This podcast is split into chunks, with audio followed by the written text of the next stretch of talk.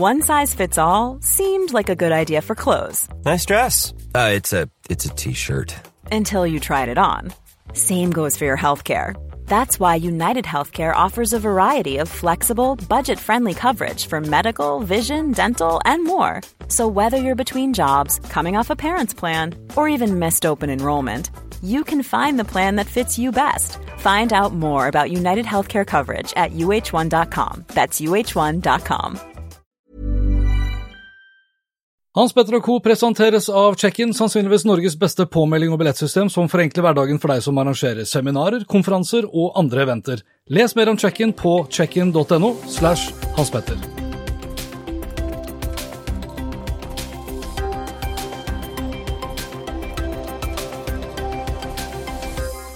Hei og velkommen til Hans Petter og Co. Gjesten min i dag hater content marketing, selv om han egentlig ikke mener det. Og mens han tidligere kanskje elsket reklame, så hater han det kanskje i dag også. Iallfall kanskje på en måte. Petter Gulli har nemlig jobbet i over 30 år med reklame og markedsføring, eller turboen på forbrukermaskineriet, som han selv kaller det. Men i 2019 forlot han bransjen for å jobbe med å få ned mitt og ditt forbruk, rett og slett for å redde verden. I 2019 startet Petter Gulli selskapet 12 Years, hvor han jobber for å få folk flest engasjert i det grønne skiftet. Og foruten å være strategisk rådgiver i 12 Years, så er han også styremedlem i Verdens naturfond, mentor for Young Sustainable Impact og fersk forfatter av boken Håp, en praktisk guide for klimaoptimister. Velkommen skal du være, og takk for at jeg fikk lov å komme på besøk til deg. Takk, og velkommen til kjøkkenet mitt. Vi, eh, for de som sitter og ser på, og for de som for så vidt også hører, så prater vi litt uh, lavt, altså lavmælt. Ja. Ikke for bærekraftens skyld, men for en sånn liten valp som ligger uh, oppe. Ja, skal lære seg å være aleine. Ja. Så hvis det blir uling her nå, så er det verken din eller min mage. Da er det ordentlig valp. ja. Så da bryter vi av, og så kjører vi inn noe reklame. Mens du prøver å gå grunnen. Du, eh, la oss gå til boken din. Håp. Ja. kan eller bør man lese boken også hvis man er klimaskeptisk? Ja, altså hvis man er klimaskeptisk, du, ja, da bør man virkelig lese den boken. Eh, og det, og, og, og, Altså, de, for, som er klimaskeptiske, de kaller seg for klimarealister. Jeg vet det. Det er også kjempemorsomt. Eh, men jeg har jo egentlig sagt, eh, og jeg tror jeg skriver det et sted i boken, hvis ikke jeg strøk det, at jeg hører, bruker ikke noe særlig tid på de menneskene lenger, når vi vet at 95 sjanse er at det er menneskeskapt, eller faktisk 99% en goldstandard som jeg skriver om i boken. Eh, og da er det liksom ikke noe vits i å bruke tid på å argumentere med dem, men de får så veldig stor plass i pressen. Ja. Og det syns jeg er litt rart at vi må gjøre. At eh, 0, et eller annet prosent skal få lov til å få så mye mening, selv om vi har ytringsfrihet. Men det var en helt annen ting enn du spurte meg om. Ja. For du spurte meg om ja, Hvem bør lese hvem boken? Bør lese boken? Ja. Eh, ja, det er morsomt, fordi den boken er skrevet for folk flest. Ja. Den er eh, delt i to. Eh, Den er delt i brutale sannheter og fantastiske muligheter. Og Utfordringen vi ser i dag, er jo at det brukes, og jeg, som jeg egentlig er glad for, da, det er at pressen har våkna skikkelig og snakker mye om disse brutale sannhetene. Om at de seks siste årene er de varmeste målt noensinne. Om all plasten i havet. Om at en million arter er truet av utryddelse. Vi står for en stor naturmangfoldskrise. Alle tror dette bare handler om klima. Men så, men så er det også så mange fantastiske muligheter. Det skjer så utrolig mye fint, og det havner litt i skyggen Ja, av er alle disse liksom, tingene. Mediene er jo ikke Jo. laget, holdt jeg på å si. Nei, det er ikke det som er nei, samfunnsoppdraget nei, deres nei, heller. Nei, de er, ikke, de er ikke laget for det, så på en måte syns jeg det er fint, da, men det kan jo også skape apati. Det kan skape nihilister av unge mennesker. Og, og, og det, det har vi ikke råd til, da. Og så, og så er det jo sånn at så, Men, men er det, jeg må avbryte deg for jeg, jeg, jeg, en, jeg så en post her på Facebook forleden dag. Ja. Eh, Hvor man sammenlignet f.eks. av Greta Thunberg, da, Ja. som eh, er veldig flink til å få oppmerksomhet. eh, Og gjerne ut ifra et veldig sånn dramatisk, til tider negativt, Mm. men samtidig også realistisk ja. perspektiv. Uh, opp imot da f.eks. yngre entreprenører da, som etablerer selskap, men som, ikke får, som ikke får den oppmerksomheten som de burde kanskje fått. da. Ja. Eh, ikke bare fordi de sjøl kanskje mener at de fortjener det, men fordi vi må jo også løfte fram de positive eh, trekkene og de positive historiene, må vi ikke det? Jo da, og så tror jeg kanskje at du har lest den samme om han Burns Light, eller hva han heter, han som har laget denne svære lensen som Ja. fanger opp søppel, at det var den saken. Ja. det, det, altså jeg leser jo bare sånne ting, jeg nå. Ja. Det, Ja, og, og poenget er at han har fått kjempemye oppmerksomhet. Okay. Så der, jeg, jeg mener det der er litt vås. Ja. For han har fått mye oppmerksomhet. Jeg har lest masse om han. Eh, Men det finnes andre som kanskje har løsninger som funker bedre enn hans, til og med. Som vi ikke får høre så mye om. Men det er klart, Thunberg har satt en, en, eh, fått en enorm plass, og det, vi har nok hatt et behov for å samle et eller annet rundt noe. Og for i 1985 eller 6 så gikk jeg i demonstrasjonstog. Jeg gikk til og med først, men det var fordi jeg spilte gitar og prøvde å få folk til å være med å synge på en sang jeg hadde laget mot bomba.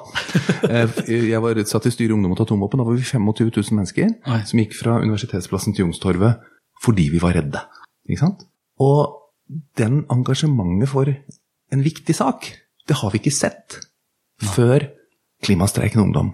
Eh, tre måneder før den første klimastreiken, eller noe sånt, i hvert fall i november 2018, så sto alle eh, miljøorganisasjonene sammen foran Stortinget hver torsdag for å markere at vi var uenige i klimamålene som var satt. Det var eh, Jeg husker ikke hva Klimaalliansen eller noe. sånt. Altså, dette kom tre, mellom 300 og 400 mennesker hver gang. Ja. Det var færre enn, Jeg regnet ut jeg gikk gjennom alle listene så mange som var ansatt i de forskjellige stedene. Det var færre folk som var det enn det som var ansatt i de organisasjonene. Og så går det Grønn eh, Ungdom og eh, F- Fridays for Future sammen og samler vel 15 000-20 000 på den første klimastreiken. Og plutselig så skjer det igjen. Ja.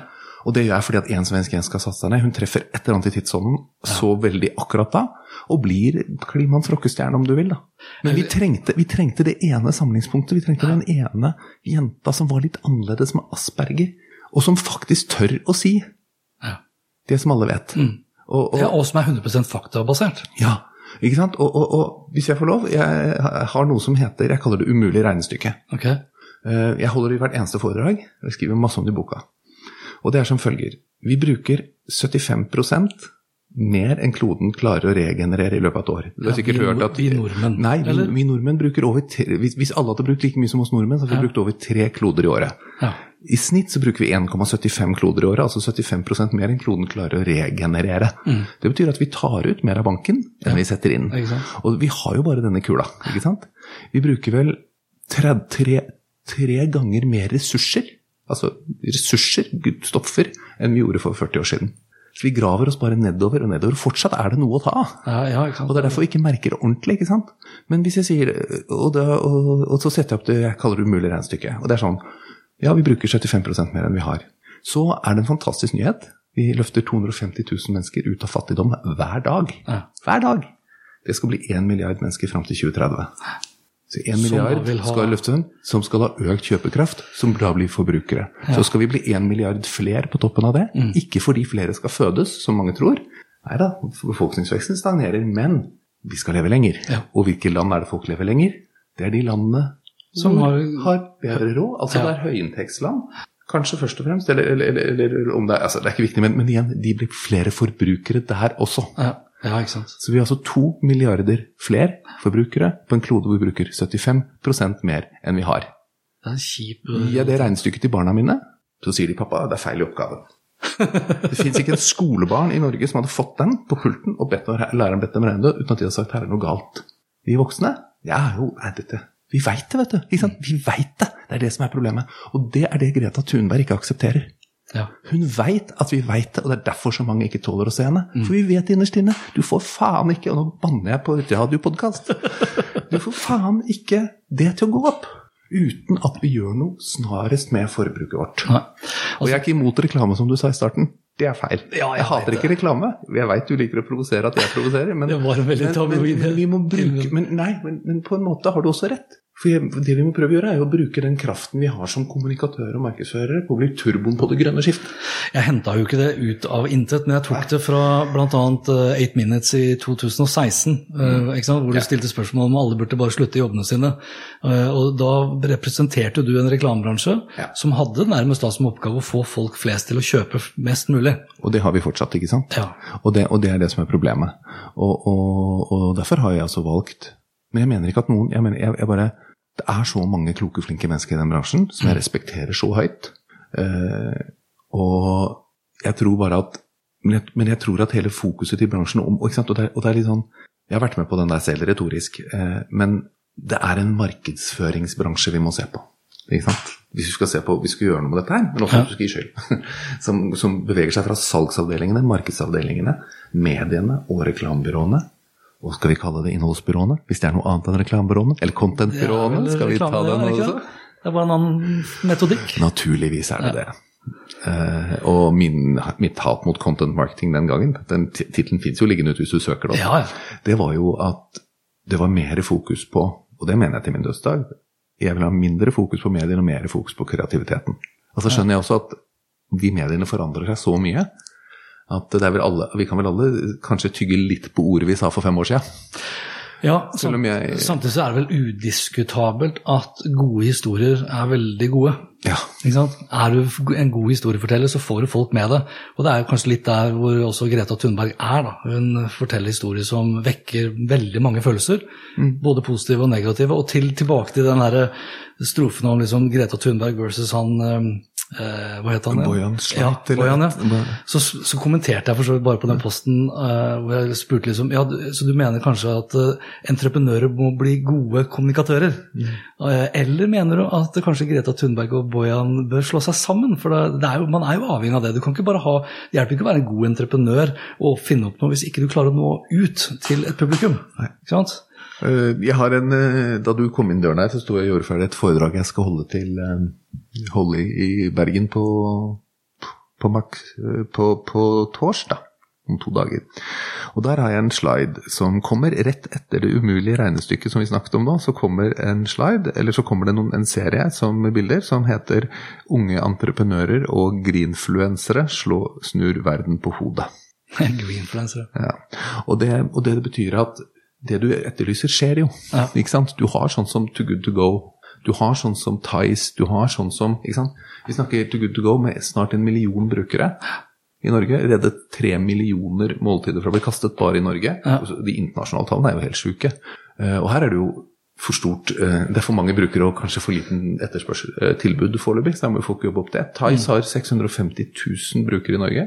80% av jenter mellom 18 og 24 har en Tice-bruker. Fire av fem. Og hvis ikke folk tror at dette gjør noe med hvordan vi kjøper ting. Mm. Ikke sant? Det er en grunn til at Finn kjører 'kjøp brukt eller ingenting' på Bårds. Så det det er, et eller annet som skjer her. Og så er jo, Jeg må da få med mitt favoritteksempel, som er det, det jeg kaller Norges beste bevarte hemmelighet. Okay. Det er Bua. Har du hørt om Bua? Bua? Ja. Nei. Bua er vi må snakke fint om Nav. Jeg er så lei av rakkinga ned på Nav. Nav gjør kjempemye bra. Nav, Nav lar gründere gå på, på, på gründerpenger. Ja, ja. De slipper å drive med alle disse gå på kurs. Ja, første året, blant annet. Ja, mm. Men Nav har også stått bak en utlånsordning for sportsutstyr. Som fins i over 300 steder i Norge. Og 120 av disse er nå eh, i en franchise og under en felles logo og en merkeplattform som heter Bua. Okay.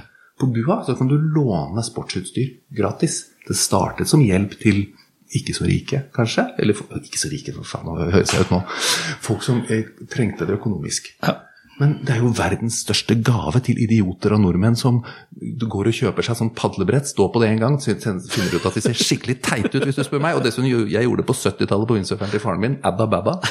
Men, ikke sant? Og så finner du ut at nei, det var ikke noe gøy, og så legger de det i garasjen. Ja. Du kan låne sånne ting på bua. Finne ut om du syns det var gøy, og gjør det. Ja.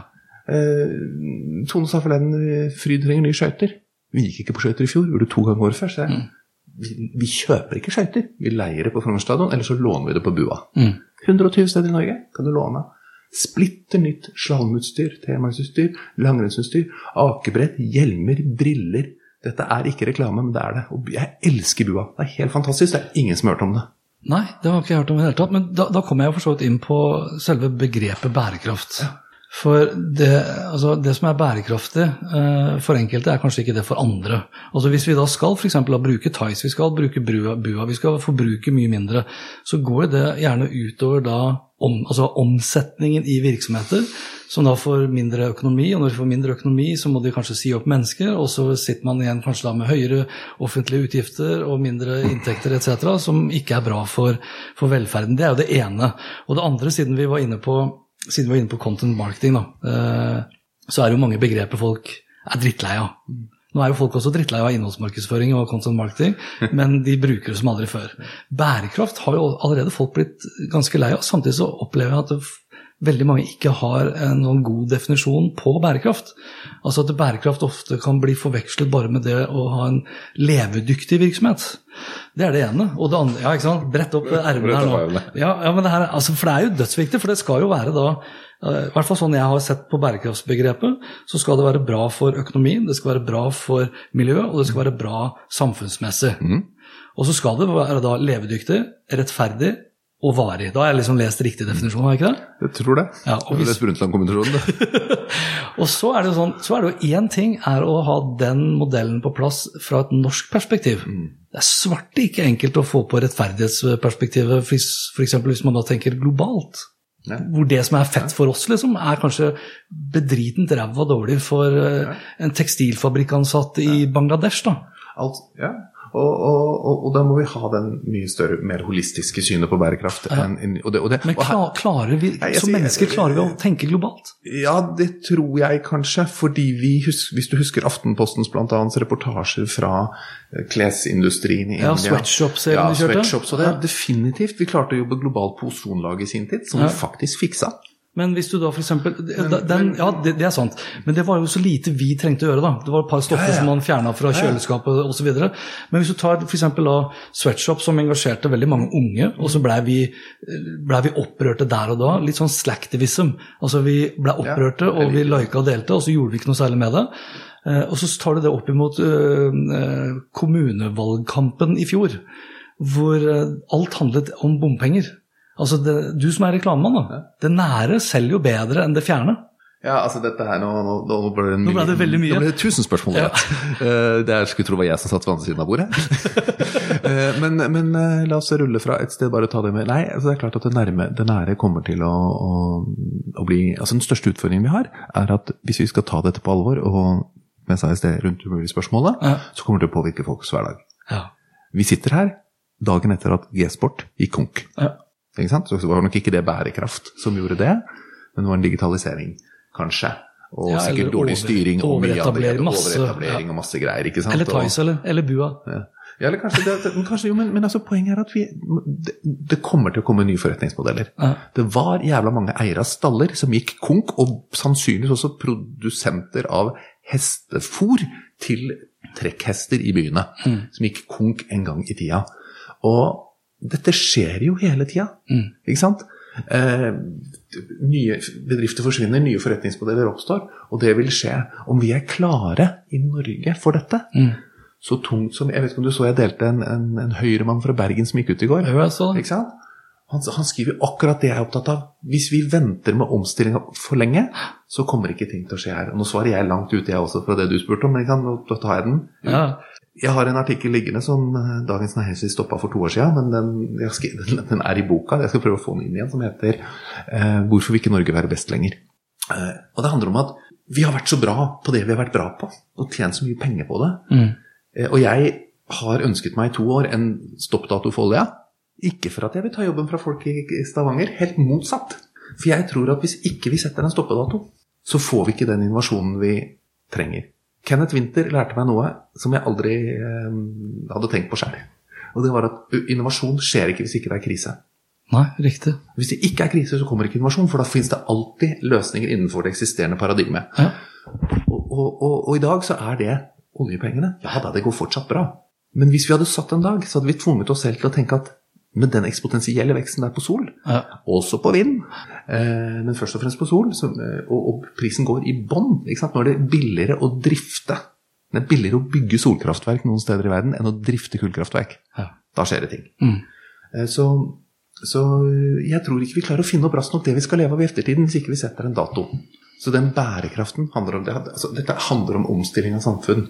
Og så tror jeg at uh, er, uh, den store nøtta sant, som ingen tør å snakke om, mm. igjen Greta Thunberg og det umulige regnestykket Ja, men vi, vi, må ha vekst, vi må ha vekst, vi må ha vekst. Ja, jeg vet, jeg har også lest deler av The New Climate Economy som sier at det er 26 trillioner dollar som ligger og venter fram til 2030 hvis vi handler raskt. Men vi skal legge om forbruksmønstrene våre voldsomt. Men det er en god nyhet. Og vet du hva det er? Nei, det vet du. jeg kjenner ingen som har unger som ønsker seg noe til jul lenger. Nei. Hvis det finnes noen lyttere her nå som hører dette og blir trist, så veit jeg at det finnes fattige familier i Norge, så ikke ta den på meg. Ja. Men i det store gross av nordmenn, vi har det altfor bra. Ja. Vi klarer å skru forbruket vårt ned lett. Nå gikk vel forbruket i julehandelen Bitte lite grann ned. Bitte Ja, det gjør det. lite grann Ja. ned. Ja, 2% ned. Og 2019 er litt lavere, men vi hadde sett eh, veksten i, i, i, i, i eh, varekonsumindeksen fra 2000 til 2018, så hadde det blitt litt bleik. Ja. Men liksom, vi, det er så mange ting som er helt idiotiske. Da, som vi, jeg, jeg, jeg, har egentlig vurdert om jeg skal prøve å regne ut klimaavtrykket av dust. jeg har et eget foredrag som heter Cut the Crap, Ja. som handler om det. Ting som er dust. Sånn at uh, du får um, at, at hver gang du går på en um, et um, Åh, nå stopper jeg helt. Du får klippe her. Uh, når jeg går til, til fysioterapeuten min, så har han papir på rull som han trekker av og hiver etter hver pasient. Når jeg går til tannlegen, så bruker han en, en, et set, en, pla- eh, to plasthansker og munnbind hver gang. Tannlegen min fortalte meg de her plasthanskene trenger vi egentlig ikke. Vi er pålagt å vaske hendene før etter uansett. I dag kan du ikke kjøpe sandwiches uten at noen snor plasthansker. De blå skoposene. Hallo, de blå skoposene. Jeg klaga til treningssenteret mitt. Jeg fikk, jeg fikk svar. Okay. De er med i et prosjekt, innovasjonsprosjekt, The Blue Shoe Cover Challenge ved Oslo Business Forum. Altså, trenger vi å bruke innovasjonskraft på å skjønne at vi kan bruke vaskebøtte? altså, jeg, jeg, blir, jeg blir helt matt, jeg. Altså, eh, godteri innpakket i logoer i resepsjoner som smaker vondt godteri. Det finnes jo ikke godt godteri i resepsjoner, det veit alle. Eh, Vi får ting rundt halsen som forteller oss hvor vi er når vi er på konferanse, akkurat som ikke vet hva slags konferanse vi er på. Ja. Jeg veit at jeg er på kollektivkon... Jeg, jeg, jeg vet at jeg er på Norges varemesse. Det kan godt stå på den. Men det trenger jo ikke stå at jeg er på Tannlegeforeningens eller reklame for en tannlegedings eller Jeg skal ikke henge ut noen bransje, for dette gjelder jo alle. Ja. Hvorfor har ikke Norges varemesse sine sånne bånd, og, og, og Oslo Business Center eller hva det heter, eller på Folkets der, sitt, og andre sine, istedenfor at vi skal trykke opp det hele tiden. Tote bags! Vi har gått helt amok. Vi, vi, alle leverer tote bags. Jeg fikk en på gaten her fra en av de største dagligvareaktørene nå i forrige uke. I økologisk bomull. Er det noen som vet hvor mye økologisk bomull det er i verden? 1% sist jeg sjekka, var økologisk bomull. Det trenger vi til klær. Ikke til bager som folk skal putte i et fuckings skap. Og nå blir Petter Sintepetter igjen. Og det hater jeg. Reklameartikler, ting vi ikke trenger. I England nå Ja. så har bæreposer, avtrykket, bæreposeavtrykk til de store kjedene aldri vært større, vet du hvorfor? Folk dropper de tynne, men de glemmer å ta med seg de flerbruksposene de kjøpte. Ja. Så de kjøper nye hele tida, for de vil ikke at noen skal se dem. Det er ingen som vil bli sett død med vanlige plastikkbæreposer i butikken lenger. Nei. Og dermed så kjøper de flere og flere av de tjukke, og aldri har det gått mer plast. Nei, så det blir jo egentlig mot sin hensikt, da. Mot sin hensikt. En, en, et, et økologisk handlenett bruker mye mye mer ressurser enn plastposer. Jeg sier ikke hva regnestykket er, men det er helt sjukt. Og folk spyr ut reklameartikler som er økologiske, liksom. Men du, tilbake til spørsmålet. Bærekraft. Ja. Er, det, er, det, er det godt misforstått? Altså, når folk er lei av det? Ja, ja, ja, takk. Unnskyld at jeg Nei, nei, nei, det er bra, det, for vi trenger historiene. bæ- bærekraft. eh, Jeg pleier å si som følger Jeg skriver aldri nesten bærekraft uten å bruke ordet samfunnsansvar sammen med det. Mm. Bærekraft og samfunnsansvar. Det som er så fint med ordet samfunnsansvar, det kan du snu. Så kan du si tar du ansvar for samfunnet. Ja. Ja, så det er et, det er et eh, forpliktende ord. Bærekraft er ikke et forpliktende ord i det hele tatt. Jeg pleier å si at hvis du hører en bedrift snakke veldig mye om bærekraft, så har de sannsynligvis ikke gjort noen ting. Nei. For hvis de har gjort noe, sånn som Posten f.eks., som eh, mellom eh, 2012 var det vel, og 2017 reduserte klimaavtrykket sitt med 40% Det var tre år før tida. De skal, målet var å klare det i 2020. Hvordan gjorde du det? Ved at vi da post, posta mindre, eller? Nei, ele- elektrifisering Ja. blant annet. Ikke sant? Ikke sant? Masse postbil, masse norske, og det vet ingen. Paxtere. Det- Vi har bilproduksjon i Sarpsborg, ingen som veit det. Jeg skriver om det i boka. Paxter, disse små elektriske bilene, de er norske. Ja, de er røde. Postman. Pat-lignende bilene. Ja, det er norsk. Men er Men, men, men, men altså bærekraftspoenget du spurte om, ikke sant? Ja. Posten går ikke ut og sier 'se så bærekraftig vårt vi har blitt'. De sier 'nå har vi redusert klimaavtrykket vårt med 40 Ja. Når Tine skal bytte fra plast til etter Tester ut papp til plast, det er plast til papp på yoghurtbegerne, så sier de 'se her, nå skal vi redusere så mye'. Altså, når De som gjør noe, de snakker om hva de gjør. ja. Selv om jeg ser noen syndere innimellom, da. Men, men det er klart at jeg mener at ordet bærekraft er det, jeg pleier å si, det er det siste du skal bruke. Tror du, ja, men tror du også eh, Når du sier samfunnsansvar, så tenker jeg liksom bærekraft er et nytt begrep for nettopp da CSR, Corporate Social Responsibility. Og det er jo fryktelig mange eksempler på bedrifter som sier at de liksom tar dette samfunnsansvaret på alvor, men som ikke klarer å se liksom, at de gjør da. Uh, uten å henge ut jeg er veldig, Nå er jeg veldig trofast uh, SAS. Uh, mm. Jeg holdt på å si SAS-pilot, SAS-flyer. Mm. I den grad jeg flyr, så liker jeg å fly SAS. Eh, men det er ikke fordi eh, reisen min blir klimakompensert. Jeg ser det på TUI-reklamer også, at liksom alle, alle ferier med TUI er klimakompensert. Jeg, jeg, jeg kjøper ikke det, begrepet engang. Ja. Altså, Eller burde jeg det? Ja, altså jeg er jo klimakompenseringstilhenger. Ja. Men, jo, Men, er det nok, liksom? Kan vi bare kjøpe oss fri fra Nei, nei, nei. nei, nei. Og, jeg, og, jeg, og, her er, og, her er, det store diskusjoner rundt det. Jeg bruker jo Jeg tegnet familieabonnement for to år siden med Choose, og jeg sletter 55 tonn CO2 i året. Ja. Det gjør at vi sånn sett kunne flydd som før. Og, øh, men jeg eh, har bare blitt mer bevisst av å gjøre det. Men jeg har gjort det som en bevisst handling. Ja. Og det er en interessant spørsmål, for jeg mener at det er veldig fint at, øh, at SAS gjorde det som en del av eh, eurobonus. Så jeg slipper å gjøre noe. Er jeg med eurobonus, så kompenserer de. Eh, så jeg dobbeltkompenserer jo sånn så, sett. Så da kan jeg fly uten noe form for skam? Der er, Nei, er det, så enkelt? Nei, det mener ikke jeg. Altså, Fem millioner nordmenn flyr like mye som 50 millioner EU-borgere innenriks, visste ja. du det? Ja. ja. Det er jo helt, helt latterlig, ikke sant? Så jeg tenker, vi, jeg tenker, at vi kan ikke Men, men, men, men men, det hjelper jo lite når du har I dag så er det vel 20-30 av kinesere for eksempel, som flyr. Mm. I løpet av de neste 30 årene så antar man at kanskje halvparten av kineserne Da snakker vi jo 1, nei, da snakker vi 700-800 millioner mennesker til da, ja. som skal fly. Det hjelper ikke så veldig mye at jeg har eurobonus og er klimakompensert eh, for mine flyvninger. Hiring for your small business? If you're not looking for professionals on LinkedIn, you're looking in the wrong place. That's like looking for your car keys in a fish tank. LinkedIn helps you hire professionals you can't find anywhere else, even those who aren't actively searching for a new job but might be open to the perfect role. In a given month, over 70% of LinkedIn users don't even visit other leading job sites. So start looking in the right place. With LinkedIn, you can hire professionals like a professional. Post your free job on linkedin.com slash achieve today. My business used to be weighed down by the complexities of in-person payments. Then, Tap to Pay on iPhone and Stripe came along and changed everything. With Tap to Pay on iPhone and Stripe, I streamlined my payment process effortlessly. Now I can accept in person, contactless payments right from my iPhone. No extra hardware required. What's truly remarkable is how I can cater to all of my customers' payment preferences. Whether they're using cards, Apple Pay, or other digital wallets, Tap to Pay on iPhone and Stripe ensure a smooth checkout experience every time. And it's not just me. Stripe helps businesses of all sizes, from local markets to global retailers, scale quickly and stay agile. To learn how Tap to Pay on iPhone and Stripe can help grow your revenue and reach, visit stripe.com/tapiphone.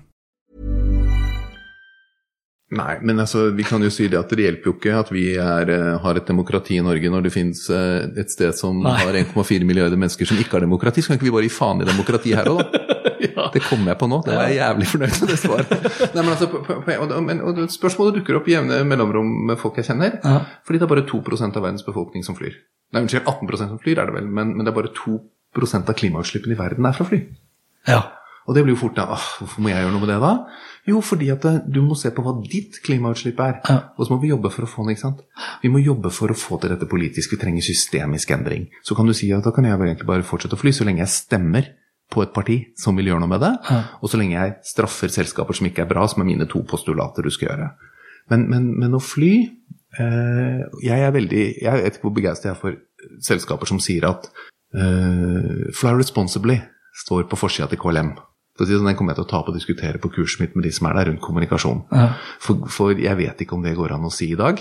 Men jeg har en, noe veldig morsomt jeg må fortelle deg, siden du er digitalmann. Skal vi snakke litt GDPR og, og uh, relasjon til fly og klimakompensering? Ok, den er den, Nå er du spent. Ja, nå er jeg spent. Ja. Uh, Norwegian gjorde motsatt av SAS. Norwegian har en mulighet hvor du kan, også som KLM, så vidt jeg vet, så vidt jeg vet, bare så det er tydelig, at du kan eh, klimakompensere etter at du har kjøpt. Ok. Ja. Så uh, og da var det jo jeg på trappene en artikkel som het 'Hvorfor er flyselskapene så feige?' Så snakket jeg med eh, en som har vært Andreas Itchus, eh, og så fikk jeg høre at eh, Og hvis jeg husker riktig igjen, sikrer meg Med alle på alle kanter der. Hvis jeg husker riktig, så er det sånn at For jeg sa at det burde jo være sånn at når jeg Altså, miljø burde være fravalg hver gang. Når du har en meny, så er den vegetar, men du kan velge kjøtt hvis du må. Hvis du har, en, eh, hvis du har et fly, en flytur, så er den klimakompensert, men du kan ta det bort hvis du vil. Det er kult. Og det fikk jeg høre at det var visstnok det Norwegian ville okay. gjøre. Men Det er ikke lov. fordi EU, GDPR, du har ikke lov til å, å, la Du kan ikke be folk opte ut. Nei, men det du opter ut av, det er vel Ja, ja, det er, jo, det stemmer det, for at det blir jo personinformasjon. Det er helt, det er helt rett. Du kan ikke det. Så her har vi en systemfeil som Ja. hindrer systemisk endring. Så fremst du da ikke opter inn først til eh, at de kan stille sånne spørsmål. Mm. Og SAS har gjort det, da, i og med at jeg er bonusmedlem og sikkert har sagt ja til at det er fint Riktig. gjør det. Jeg vet ikke, men, Jo, men altså, men, Tenk på alt det du opter inn på når du eh, signer opp til å bruke Facebook f.eks. Ja. Og så kan du etterpå velge å sjekke det ut, men du må først da ha sagt ifra ikke sant? og godkjent egentlig alt sammen. da. Eh, og, så det er jo egentlig en ganske grei løsning å komme rundt ved, ved å bare lage en svær knapp. ikke sant? Mm. Bare godkjenne alt og gå videre, for det er jo det, det folk flest vil gjøre. Så det er en løsning. Også, jeg, og jeg, og jeg minner om derfor jeg, jeg, litt, jeg trakk meg litt på når jeg nevnte noen navn og selskaper og sånn, har, dette har jeg ikke gravd nok i. Nei, men det, er, men, jeg det er fryktelig mange bedrifter i dag som bruker GDPR som en unnskyldning for å ikke gjøre ting bedre. For det er lett å bare si vi har ikke lov til det pga. personvernforordningen.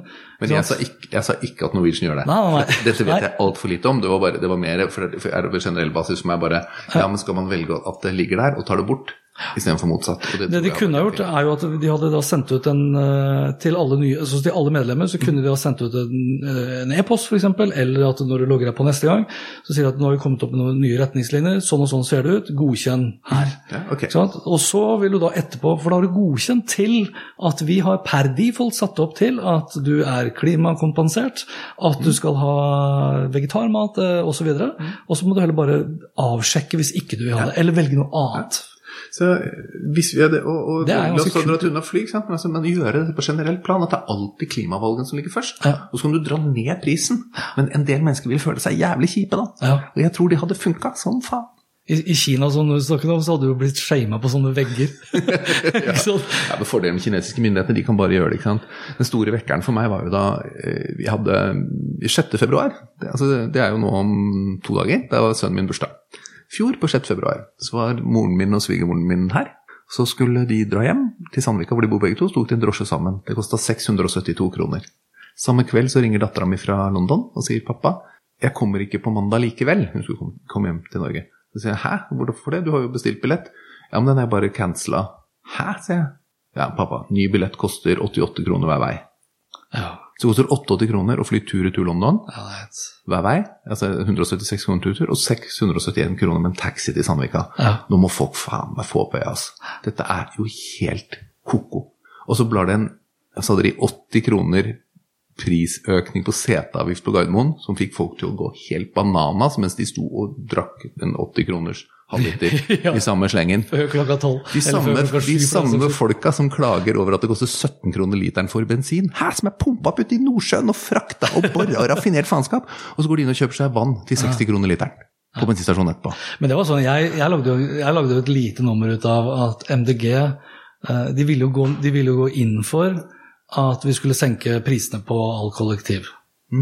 Og så blei da kompromisset med Arbeiderpartiet og de andre som da styrer i Oslo, at de fikk lov til å da redusere enkeltbillettene med 20% Så den skulle i utgangspunktet ha blitt redusert til 27 eller 28 kroner nå nylig. Så ble den økt til 37 istedenfor. Så den økte med én krone. Da ble jeg sinna. Da er jeg små, det er smålig av meg, men, det, men det, er, det er mer sånn prinsippet. da. Du går til valg. Jeg skjønner at du må kompromisse, men når løsningen er at man ender opp med det, og så gjør man det motsatte, det er for meg det er direkte løgn. Så det handler ikke om det koster 17 kroner eller 16 kroner osv. Men det er tilbake til det jeg sa i stad. Det du, det du nevner om med pris og osv., det, går på- det går på den enkelte. ikke sant? Den nærheten til hvordan det oppleves urettferdig for meg eller min familie. Når vi da tross alt bare For det er jo det folk eh, velger. Vi er bare fem millioner. Vi gjør veldig mye bra i Norge fra før av. Hva med alle de andre? Og Det er jo det som er problemet, for alle, alle andre vil jo si akkurat det samme. Enten land eller bransjer eller ledere osv. Ja, og hvordan skal du klare da å få alle verdens ledere til å bli enige om hva som skal til for at nå er det jo ikke tolv år igjen, nå er det elleve år igjen. Til at vi skal klare å halvere verdens utslipp. Nei, det, og det, det tror ikke jeg er mulig uten å ha med seg næringslivet. Nei, ikke jeg heller. Og det er mange som mistenker næringslivet for å være slemt. Bare. Jeg tror at det finnes gode mennesker på toppen av de aller største selskapene i verden som faktisk tenker ikke nødvendigvis bare på egne barn og barnebarn, som alle snakker om. Og jeg ble miljøbevisst da jeg fikk barn, eller tenkte på barna mine. Det finnes faktisk folk som tenker på barn og voksne i hele verden, selv om de leder en kjempe multinasjonalt selskap. Og tenk, i går kom nyheten om at HM har fått sin første kvinnelige CEO. Altså, hallo, HM! Har ikke de hatt kvinnelige sjefer? Har du sett menn som har sittet på toppen der og bestemt hvordan kvinner skal kle seg? Det er, bare, det er jo så koko i utgangspunktet at du kan begynne å le, ikke sant? Men hun har også bærekraftbakgrunn. Ja. Hun var sustainability manager. Det er bra nyhet for verden. Ja. Så får man jo se om de som har lært oss å kaste, HM og IKEA, om de kan også lære oss å gjøre det motsatte. Ja. De prøver i hvert fall hardt, begge to, tror jeg faktisk på. Men, og jeg tror at vi Altså Klesbransjen er vel den nest verste bransjen, er det ikke? Au, ja. Det en, jeg husker ikke prosenttallene nå, men det er stor, stor del av utslippene. ja, og så har de jo så mange som vi var inne på i sted. De har mye av de andre greiene med fair trade og dårlig Det er mye greier. ikke sant? Ja. Pluss at vi forbrukere er jo helt idioter. Vi, vi, altså, det er morsomt at vi skylder på klesbransjen, men vi kjøper jo det. Ja. Legger i skapet med hva da? Er det 25 tonn klær de får inn på Fretex i uka? Og hvor masse av det er med lappen Merk, på? ja, med lappen på. Så, så Og likevel så har de fleste kvinner ikke nok klær. Jeg vet ikke hva jeg skal ha på meg. Det er vel Og så tror jeg kanskje at vi- jeg- ja. For å generalisere litt. og nå, og nå bare plasserte du oss i menn på 50. Eh, jeg tror kanskje det er en del unge menn som er der også nå i dag. Ja. Kanskje. Men, Ja, og på toppen av det så kjøper vi jo kanskje da på nettbutikker gjerne tre plagg da, i tre forskjellige størrelser og returnerer to stykk. Det er ikke spesielt uh, miljøvennlig det heller. Nei, og det er, det er ikke miljøvennlig i det hele tatt. Og eh, det er jo eh, De har jo eh, Det er vel flere av de nå som har sagt at du må betale for retur for å stoppe det. Ja. Og de jobber jo med veldig Flere av selskapene jobber også med retur. Visste du forresten at det er postkontoret i Sandvika storsenter som har prøverom? Hæ? Det er sånne ting som folk ikke vet, som jeg syns er så fett. Det er sånne ting jeg samler på. Jo, da. fader, jeg tror jeg faktisk leste om det for en stund siden. at du henter klærne dine på postkontoret i Sandvika, så kan du gå og prøve det. Hvis ikke det passer, så bare pakker du det inn igjen, så sender du det tilbake der og da. Ja, det er smart. Du sparer i hvert fall noe kjøring til og fra, eller noe greier. Ja, ja, det gjør det. Men hadde du gjort det? Prøv- Prøvde du det prøverommet? Ja. Hvorfor skulle jeg ikke det? Det er prøverom som alle andre. Jo, jo, det er ikke det jeg tenker på. Jeg tenker bare sånn når jeg handler, så går jeg inn, henter det jeg skal, og så går jeg ut. Jeg hater prøverom. Men, sånn. ja, jeg tenker mer på jo, ja, hvor vrang jeg er. Ja, men det er vaneendring, tror jeg. Ja. Hvis, hvis det hadde vært helt vanlig, så ja. Men du eh, Vi, jeg, drar, meg bare bort fra det du spør om hele tida. Nei, nei, du gjør ikke det. Og det er gode historier. Men jeg tenker sånn for, for lytterne sin del, i og med at det er så mye snakk om det, og så er det kanskje ikke alle som gjør nok med det. Altså Ref det, du, ref det med retur, da. Så vet jeg at enkelte nettbutikker nå begynner å planlegge å eh, oute, eh, eller ikke oute, men blokkere kunder som da systematisk kjøper f.eks. tre skostørrelser og returnerer to. Utover det så tenker jeg, hva, hva mener du at liksom, de vanlige norske bedriftene i dag kan gjøre, altså konkrete ting de kan gjøre, for å bli mer bærekraftig, fremfor å bare skrive at de er opptatt av bærekraft? Ok, det er et veldig godt spørsmål. Ja, Så runder vi av med Eh, liksom, de gode rådene Ja, nå. For det første, de som er gode, Ja. de ser framover, ikke bakover. Eh, Det er et begrep som ikke brukes så mye i Norge, som jeg lærte av å jobbe med Pure Consulting. eh, og jeg lærte av Stine Lise, og Elisabeth Grieg, faktisk, eh, og, og Grieg-gruppen. Altså, eller, eller, ja, eller de snakket veldig mye om det, som heter shared value. Det brukes lite i Norge. Jeg syns det er et veldig bra ord. Eh, og jeg ser eh, bedrifter som er gode på bærekraft og vil noe. De ser framover, og så tenker de hva kan vi gjøre som gagner samfunnet og vår virksomhet. Delt verdi. Ja. Og så- Ja, det er der det kommer delt verdi, ja. Det kommer delt verdi fra det. Ja. Så shared value handler om å dele verdi mellom samfunnet og bedriften. Og de bedriftene, de gjør endringer. Men jeg begynner å se en del nå som ser seg over skulderen og sier fanker, nå det der bærekraftsgreia kommet. Hva, hva har vi vært gode på? Hva er det vi er gode på? Hva kan vi si? Altså, I Norge, du er ikke bærekraftig fordi du er et norsk produkt. Nei. Du kan sette på flagget og fjell og fjord, og så tror folk liksom at å, den fisken her er kjempebra, liksom. Ja.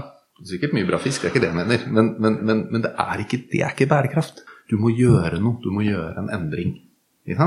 Og, og Og, og, det Jeg har eh, lagd sammen med Ella Skylstad i Good Morning, så lagde vi en bærekraftstrapp.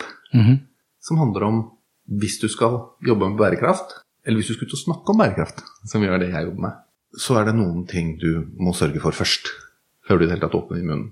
Det er én bærekraft må være en del av bedriftens drivkraft og kultur. Det er ikke det samme som at det er viktig for styret og ledelsen. Nei. Og der er det mange som drår feil. Og da får du sånne ubehagelige incidenter som at uh, man sier én ting, og så skjer det noe helt annet. Så har du punkt to, du må være like bra på produkter og tjenester som konkurrentene dine, og som driverne i markedet.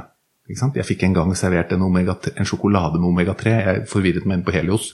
Så sier en dame eh, du må prøve fantastisk sjokolade. Det er omega-3, men den smaker akkurat som sjokolade. Altså, det er to ting som aldri skal forenes. Sjokolade og tran. Det jeg vi kan være enige om. Jeg kasta opp utenfor butikken hennes. Hun hadde litt andre smaksløker enn meg. ikke sant? Når, når Klar, da, som står her rundt oss, når Orkla lanserer Klar, så ser det komparativt mye bedre ut enn Zalo. Jeg kan ha det stående på benken. Det lukter bedre, mener jeg. Helt objektivt. Ja. Eh, det er liksom vindmøllekraft, det kan diskuteres, noe i T-skjorte, men at det er resirkulert plast i flaskene, alt er bra. Men hvis de ikke hadde vaska like bra, så har du ikke solgt en eneste, Nei. eneste pakke. Så du må, eller Nudie Jeans, de reparerte jeansene mine sju ganger gratis. Men uh, hvis ikke det hadde sett bra ut i dem, hvis ikke det hadde vært et, et motemerke, hvis ikke de hadde levert på driverne i fashion-kategorien altså Jeg vet ikke en eneste kategori enda hvor bærekraft er driveren, kanskje bortsett fra å kjøpe meg som rådgiver. Eh, og nummer tre er du må finne en relevant, troverdig og tydelig rolle. Eller unnskyld, tydelig, troverdig, men også relevant rolle. Hvis ikke du har en relevant rolle Det fins jo ting som selskaper er gode på som ikke har noe å si for forbruker. Selger du kjeks, og så reduserer du vannforbruket på fabrikken din med 200 000 tonn eller liter eller kubikk i året, men det spiller ingen rolle for folk. Det kan være kjempeviktig for bærekraft. Det Ja. ingenting å si for folk der ute. Men eh, også det siste er at du må være klimaoptimist og være positiv og tro på framtida. Ok. Men, men Så du kan ikke fly rundt og første- bjeffe, du, altså? Nei. Men det første, det første med at man må sitte i kultur og drivkraft Jeg pleier å si at den viktigste målgruppa du har for bærekraftsarbeidet, er ikke investorene dine, eller eh, det er ikke opinionen eller kundene dine, det er de ansatte. Ja. Og der tror jeg det er mange som feiler. Jeg hører flere og flere begynne å snakke om det også, at dette er det viktigste vi gjør. Så ta et eksempel da, som, kan, som er litt langt ute, skal jeg ikke ta noen norske bedrifter, selv om jeg er frista av og til å gjøre det. ja, Johnson Johnson, ja. stort amerikansk selskap. Jeg, fikk, jeg var på Sustainable Brands-konferansen i 2017. Da fikk jeg høre dem snakke om bærekraft. Jeg var, helt jeg var, jeg var så imponert hva det selskapet gjorde. Og de hadde en visjon for 2030 på bærekraft som het hvor de bl.a. sa We will profoundly improve the global health. Det selskapet ble saksøkt, eller måtte, ble dømt til å betale 576 millioner dollar i bot for å ha gjort folk avhengige av opioider. Hvem var det som ikke visste at eh, selskapet skulle gjøre global health profoundly better? Er dette et skrivebordsøvelse, som alle har sånn dårlige markedsstrategier? Man lager et svært dokument som handler i en skuff? Eller får du dette ut i hver eneste sjel, hver eneste tråd, hver eneste blodcelle i hele organisasjonen din? Sånn at innkjøp, de som sitter på marketing på opioider, veit at det gjør vi ikke. Så er det mulig at dette ligger lenger tilbake i tid, at bærekraft skal jeg komme etterpå, men hvis du vet at du har en rullende skandale på hendene, så ikke gå ut og snakk om bærekraft, da, please. Det hadde vært eh, Det blir, det blir en sånn hypotese, da, men man kan jo lure på om f.eks. selskapsstrukturer slik de er nå i dag, med børs og liksom kvartalspresentasjoner osv., om det nødvendigvis da er den beste måten å drive samfunnet videre på? Altså Paul Polman, som var leder i Unilever, Ja. som er et av verdens ledende selskaper på bærekraft, og som har gått videre i livet, eh, han eh, var jo stor motstander av kvartalsrapporteringen. Ja, han sier det ødelegger dette her. Ja. Og det, og, det, og det er klart at når, når det eies av noen som ikke har noe forhold til tingene Annet enn at de skal tjene mer penger? tjene på det, det bare sitter et oppkjøpsfond. Jeg Mm. mener at det er eh, Selv om jeg vet litt lite om sånt egentlig, så syns jeg egentlig det er helt det, det må være feil, da. Og nevner Unilever, da. I 2017 så hadde de 50% raskere vekst på de merkevarene hvor de jobbet med bærekraft aktivt. Oh, ja. Og det er, eh, og det er en gammel historie nesten nå, men, men, og jeg vet ikke om det gjelder fortsatt. Men mange spør meg om det, om lønnsomhet og bærekraft. Mm. Jeg pleier å trekke fram to eksempler som ikke handler om klima. For jeg tror ikke vi klarer å se enda klimafordelene. Nei. Nå så jeg at Jan Christian Vestre i Vestre delte i dag at de har, de har, de har vært klimanøytrale i ti år, og så reduserte de likevel utslippene sine med 10% i fjor, og så hadde de 20 vekst. Så ikke jeg husker helt feil. Oi. Fantastisk Ja. fyr. Kudos til han. Fantastisk selskap. Ja, og fantastiske resultater. Ja, og jeg, og jeg mener at det var riktig. Det står i dag, faktisk. Eh, og, men men eh, jeg tror at klimatiltakene til norske bedrifter og, og sånne ting vil vi se resultatene av etter hvert. Vi er i en transisjonsfase. Mm. Eh, men ikke sant? Jon Fredriksen går til kamp mot klima eller noe sånt. Nå sto det i Dagens Næringsliv for to år siden, når han gikk inn og kjøpte skrøbbere til skipene sine, og kjøpte seg inn i det selskapet som lager skrøbbere, som altså er vel en, jeg skjønt, en slags katalysator du setter på skip for at de skal slippe ut mindre. Ja. Når han- sto ikke først på klimabrølet, for å si det sånn. Nei. Når han gjør det, da skjønner du at det er noe lønnsomhet her et eller annet sted. Og, og, men ellers så ser du på sånn som Så det er ikke bare for å pynte brura, det er kanskje fordi at han faktisk da tenker at det er lønnsomt. Ja, så er det ikke lønnsomt bare. Vi har kommet til et sted hvor det er blitt forretningskritisk. Ja. Katrine Stange, administrerende direktør i Devold, hun fortalte meg at uh, de nå må rapportere på bærekraftsmålene. Altså, de er jo en kjempebærekraftig bedrift. De har, eller altså, jeg skal ikke gå inn i struktur jeg ikke vet så mye om, men altså, produktet deres, en, en, en Devold-genser, superkvalitet, varer kjempelenge. Det tror jeg. Mm. de kan spore hver eneste tråd, ulltråd, tilbake til farmene i New Zealand og Patagonia, og de kjenner farmerne, mange av de. Da besøker de. Så de har full kontroll. Hjelper ikke. Tyske og svenske sportskjeder, spesielt de, krever at de rapporterer på de 17 bærekraftsmålene. Så du får altså et nytt rapporteringssystem som lager masse hikkemikk i systemet ditt, fordi du må rapportere på noe du ikke har gjort før. Fjordkraft gjennom Kilimanjaro-prosjektet krever at alle deres leverandører er klimanøytrale. Ellers så får du ikke være med. Nei, ikke sant? Eh, Oslo kommune krever miljøledelse og sikkert etter hvert klimanøytralitet. Ja. Verden, alle snakker om net zero carbon, skal ned på null. Og det gjør man med kvoter og andre ting, for man klarer ikke å gjøre alt på en gang med egen. Men, men altså, det er et kjør på dette internasjonalt som kommer til å presse norske bedrifter og andre til. Så vi kan ikke snakke om lønn. Jeg, jeg har jo snakket om kan du få konkurransefortrinn ut av bærekraft. Det er to år gammelt, det. Ja. Nå må du. Også fordi forbrukerne vil ha. Men det er mye pisk. Det er mye pisk, da. Det, blir det pisk som må til i de neste elleve årene, eller fins det noen gulrøtter eh, utover at forbrukerne nærmest da vil også kreve det? da? Ja, og jeg pleier, altså, for å si til forbrukerne, jeg, jeg pleier å si og det, Jeg skal sikkert ikke røpe avslutningen i boka mi her, men jeg gjør det. Så jeg tør ikke lese den. Eh, Den gir deg veldig mye det er sånn jeg er laga for folk flest. Du kan gi den til sånne sure onkler og folk som eh, ikke nødvendigvis tror at dette er Ja. farlig. Så kan du lese både de fantastiske mulighetene og, og, og de brutale sannhetene, da.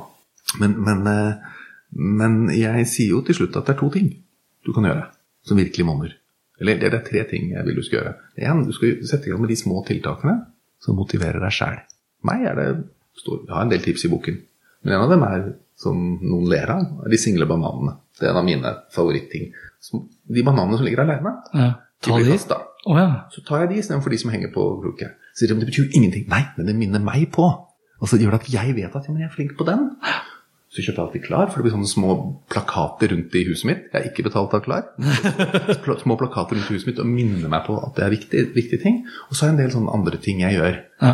Men så, ja, hva jeg, lille jeg gjør? Ja, men det er ikke det det handler om. Det er bare min egen motivasjon Ja. som gjør at jeg gjør de større tingene. Og hva er de? To store ting du kan gjøre. Du kan stemme med lommeboka, du kan stemme med visakortet. Nei, unnskyld, med lommeboka, og det er visakortet. Og med stemmeseddelen. ja. Stem på et politisk parti som vil ha forandring. Stem på et politisk parti Vi faser ut olja, mener jeg, da. Men som vil ha den forandringen som vi innerst inne alle voksne vet at vi trenger. At dette har gått over styr for lenge siden. Stem med visakortet ditt. Og så burde jeg sikkert hatt med endre forbruksmønsteret ditt fra eie til eie. Og det er heldigvis en trend vi ser. Ja, og den, den trenden tror jeg vi kommer til å se. Og det er der kanskje den, det spørsmålet du stilte om vi ikke vet, da, hva skjer med business da? Ja. Nei, det vet, vet vi ikke. Og det er den nye, store forandringen jeg tror vi kommer til å se i, i næringslivet, er når dette slår til ordentlig. Hva skjer da, når vi leier ting istedenfor å eie dem? Da kommer mange til å gå konk. Men jeg tror da, altså fordelen er at jeg tror nordmenn klarer seg med fryktelig mye mindre. Men det er så farlig å si. Jeg blir, jeg blir mora mi og farmoren min og alt. Ja, jeg husker under krigen, da dro vi, da, da tok vi smørpapir, og så, og så la vi det i pannen, og, og, så, og så tok vi og så gned utover stekepannen, så fikk vi liksom utnyttet alt. Ja. Så jeg tar bilde av uh, innsiden av smørpapiret når jeg ser at det er rare figurer på det, og legger ut på Instagram. Vi, har, vi har mange bedrifter, men vi har bare én klode. Så vi kan tåle at det går noen bedrifter konk, men ikke nødvendigvis at kloden går konk. Nei. For kloden er jo ferd med å gå konk. Eller kloden er jo egentlig konk, så det er jo det du sier. Kloden er konk. Ja. Kloden lever på kreditt. Eller menneskeheten lever på kreditt. Og det, det er ek ekle å tenke på er at vi nå leser vi om gresshoppesvermer i Afrika. Og det er grusomt. Men den største gresshoppesvermen Altså, hadde det kommet aliens og tenkt at denne kloden var full av fine ressurser, det er bare ett problem her. Det er oss. sprayer vi DDT fra oven. Det er oss. Ja, da, nå slutta vi på trist igjen. Nei, jeg syns jo egentlig ikke det. Vi har, ja, okay. Hvis du vil at vi skal avslutte på en high note, hva vil high noten da være, Petter? High-noten er håp. Vi er nødt til å spre håp. Ja. Det er det boka heter. Vincent Churchill klarte å snakke om alle de alvorlige tingene i den berømte talen sin. Blod, svette, tårer, vi skal slåss med dem overalt. Det var en, egentlig en ganske depressiv tale, men likevel. Og alle visste at tyskerne sto der. Men alle var likevel Han lot aldri det engelske folket slippe håp og troen på at de skulle klare å ta han lille bartefyren. Og det klarte de. Så vi har fiksa ting før, og jeg håper bare vi klarer å høre på folk som sier at vi må legge om forbruket vårt og bruke annerledes. Ikke til å se oss som 'Å, nå skal de komme med fortida'. Vi må klare å se det som framtida. Og der våkna det en bikkje. Ja, og da klarte vi akkurat det vi skulle. og så avslutta vi med et positivt ja. fortegn. Hans Petter og Co. presenteres av Check-in, sannsynligvis Norges beste påmelding og billettsystem som forenkler hverdagen for deg som arrangerer seminarer, konferanser og andre eventer. Les mer om Check-in på checkin.no slash Hans Petter. My business used to be weighed down by the complexities of in person payments. Then, Tap to Pay on iPhone and Stripe came along and changed everything. With Tap to Pay on iPhone and Stripe, I streamlined my payment process effortlessly. Now I can accept in person, contactless payments right from my iPhone. No extra hardware required. What's truly remarkable is how I can cater to all of my customers' payment preferences. Whether they're using cards, Apple Pay, or other digital wallets, Tap to Pay on iPhone and Stripe ensure a smooth checkout experience every time. And it's not just me. Stripe helps businesses of all sizes, from local markets to global retailers, scale quickly and stay agile. To learn how Tap to Pay on iPhone and Stripe can help grow your revenue and reach, visit stripe.com slash tap iPhone. Why don't more infant formula companies use organic, grass fed whole milk instead of skim? Why don't more infant formula companies use the latest breast milk science? Why don't more infant formula companies run their own clinical trials? Why don't more infant formula companies use more of the proteins found in breast milk? Why don't more infant formula companies have their own factories instead of outsourcing their manufacturing? We wondered the same thing. So we made ByHeart, a better formula for formula. Learn more at byheart.com.